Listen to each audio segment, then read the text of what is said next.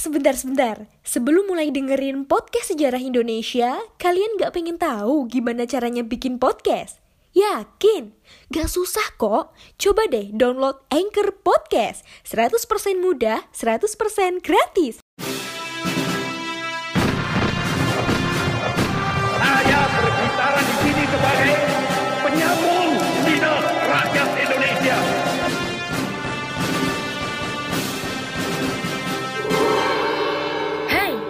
Terima kasih sudah memilih mendengarkan kami, Poseidon.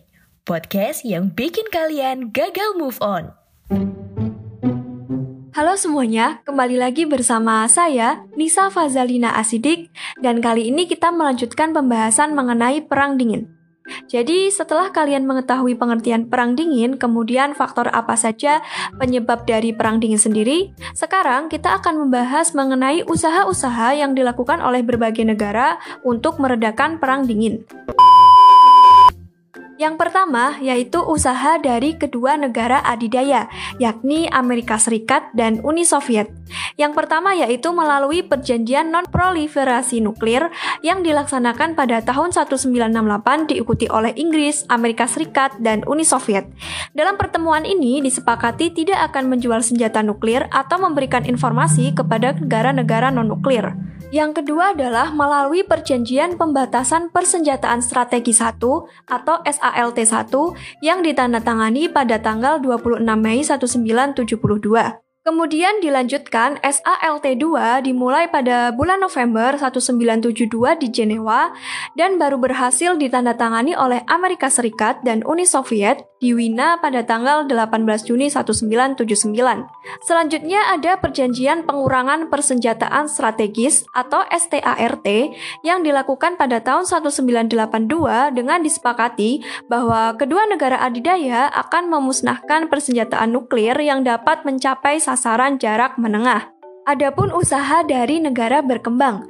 Usaha negara-negara berkembang tersebut dengan mengadakan berbagai konferensi dan membentuk forum kerjasama seperti Konferensi Asia Afrika di Bandung tahun 1955 dan Forum Kerjasama Gerakan Non-Blok. Selanjutnya adalah usaha dari PBB atau Perserikatan Bangsa-Bangsa. PBB juga berusaha menghindarkan perang nuklir untuk keamanan internasional. Wujud nyata usaha PBB dalam mengurangi perang nuklir tertuang dalam resolusi nomor 255 yang memuat seruan kepada Amerika Serikat dan Uni Soviet untuk membantu negara-negara non-nuklir yang menjadi korban pada perang nuklir. Selanjutnya, kita akan membahas mengenai berakhirnya Perang Dingin.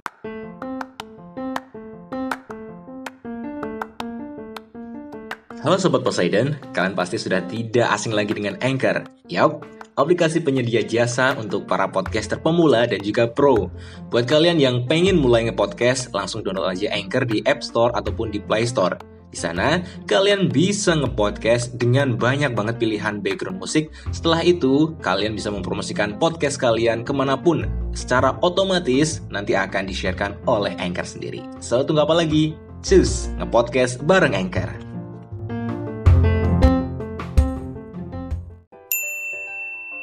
Jadi, berakhirnya Perang Dingin dimulai dengan runtuhnya Uni Soviet.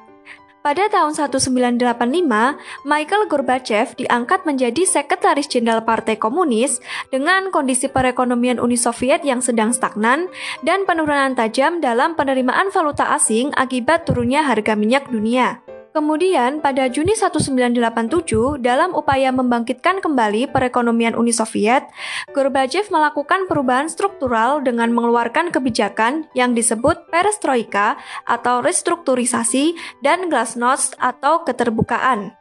Perestroika memungkinkan sistem kuota produksi menjadi lebih efektif, kepemilikan swasta atas bisnis, dan membuka jalan bagi investor asing. Sedangkan glasnost memungkinkan meningkatnya kebebasan pers dan transparansi lembaga-lembaga negara yang bertujuan mengurangi korupsi dalam tubuh Partai Komunis. Kebijakan glasnost juga bertujuan mencegah penyalahgunaan kekuasaan di Komite Sentral dan memungkinkan meningkatnya kontak antara warga Uni Soviet dan dunia Barat. Selanjutnya, pada 8 Desember 1987, Traktat Kekuatan Nuklir Jarak Menengah ditandatangani oleh Amerika Serikat dan Uni Soviet. yang isinya menghapus keberadaan semua senjata nuklir, rudal balistik, dan rudal jelajah dengan jarak antara 500 dan 5.500 km beserta seluruh infrastrukturnya. Selanjutnya, pada tahun 1989, Gorbachev dan Josbas menandatangani perjanjian START-1 yang mengakhiri perlombaan senjata antar kedua negara adidaya. Hal ini membuat ketegangan antara timur dan barat mereda dengan cepat. Pada tahun-tahun berikutnya, Uni Soviet dihadapkan pada keruntuhan perekonomian yang diakibatkan oleh turunnya harga minyak dunia dan besarnya pembiayaan militer. Selain itu, juga terdapat reunifikasi Jerman Barat dan Jerman Timur dengan diruntuhkannya tembok Berlin. Selanjutnya, pada 3 Desember 1989, dalam konferensi tingkat tinggi Malta, Gorbachev dan Josbas secara resmi menyatakan bahwa Perang Dingin sudah berakhir. Setahun kemudian, dua negara tersebut bermitra dalam Perang Teluk melawan Irak. Uni Soviet secara resmi dibubarkan pada 25 Desember tahun 1991. Nah, selanjutnya adalah dampak dari Perang Dingin. Yang pertama, bagi Uni Soviet, setelah Perang Dingin, Rusia sebagai ahli waris utama Uni Soviet memotong pengeluaran militer secara drastis. Restrukturisasi ekonomi menyebabkan jutaan warga di seluruh Uni Soviet menganggur. Sementara itu, reformasi yang dijalankan Gorbachev mengakibatkan terjadinya resesi yang sangat parah. Yang kedua adalah dampak bagi Amerika Serikat. Perang dingin menyisakan Amerika Serikat sebagai satu-satunya negara adidaya di dunia. Perang dingin juga menandai puncak pengembangan industri militer, terutama di Amerika Serikat dan pendanaan militer secara besar-besaran. Sedangkan hampir 100 ribu warga Amerika Serikat kehilangan nyawa dalam Perang Korea dan Perang Vietnam. Yang ketiga adalah dampak bagi dunia ketiga, yaitu konflik baru di sejumlah negara. Hal ini disebabkan kegagalan pengawasan negara di sejumlah wilayah yang dulunya dikuasai oleh pemerintahan komunis. Contohnya, konflik sipil dan etnis baru terutama di negara-negara bekas Yugoslavia. Bagi dunia ketiga, Perang Dingin juga mendorong perkembangan teknologi.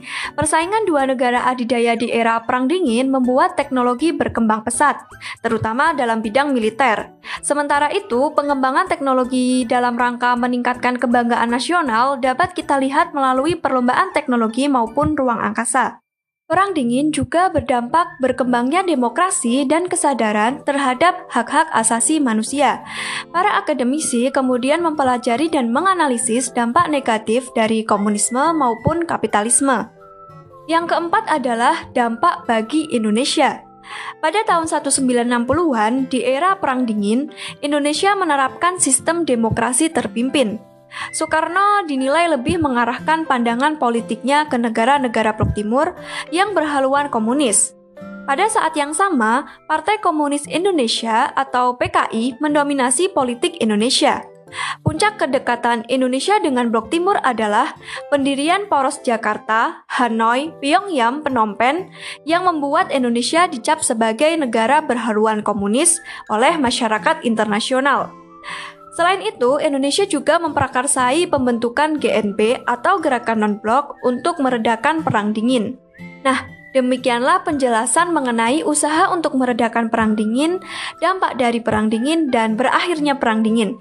Semoga kalian semua telah memahami dari materi sejarah perang dingin sendiri. Oh iya, jangan lupa follow kami di Instagram at podcast underscore sejarah Indonesia. Kalian bisa mendapatkan informasi-informasi menarik lainnya dan jangan lupa bantu share juga ya. Sekian dan terima kasih.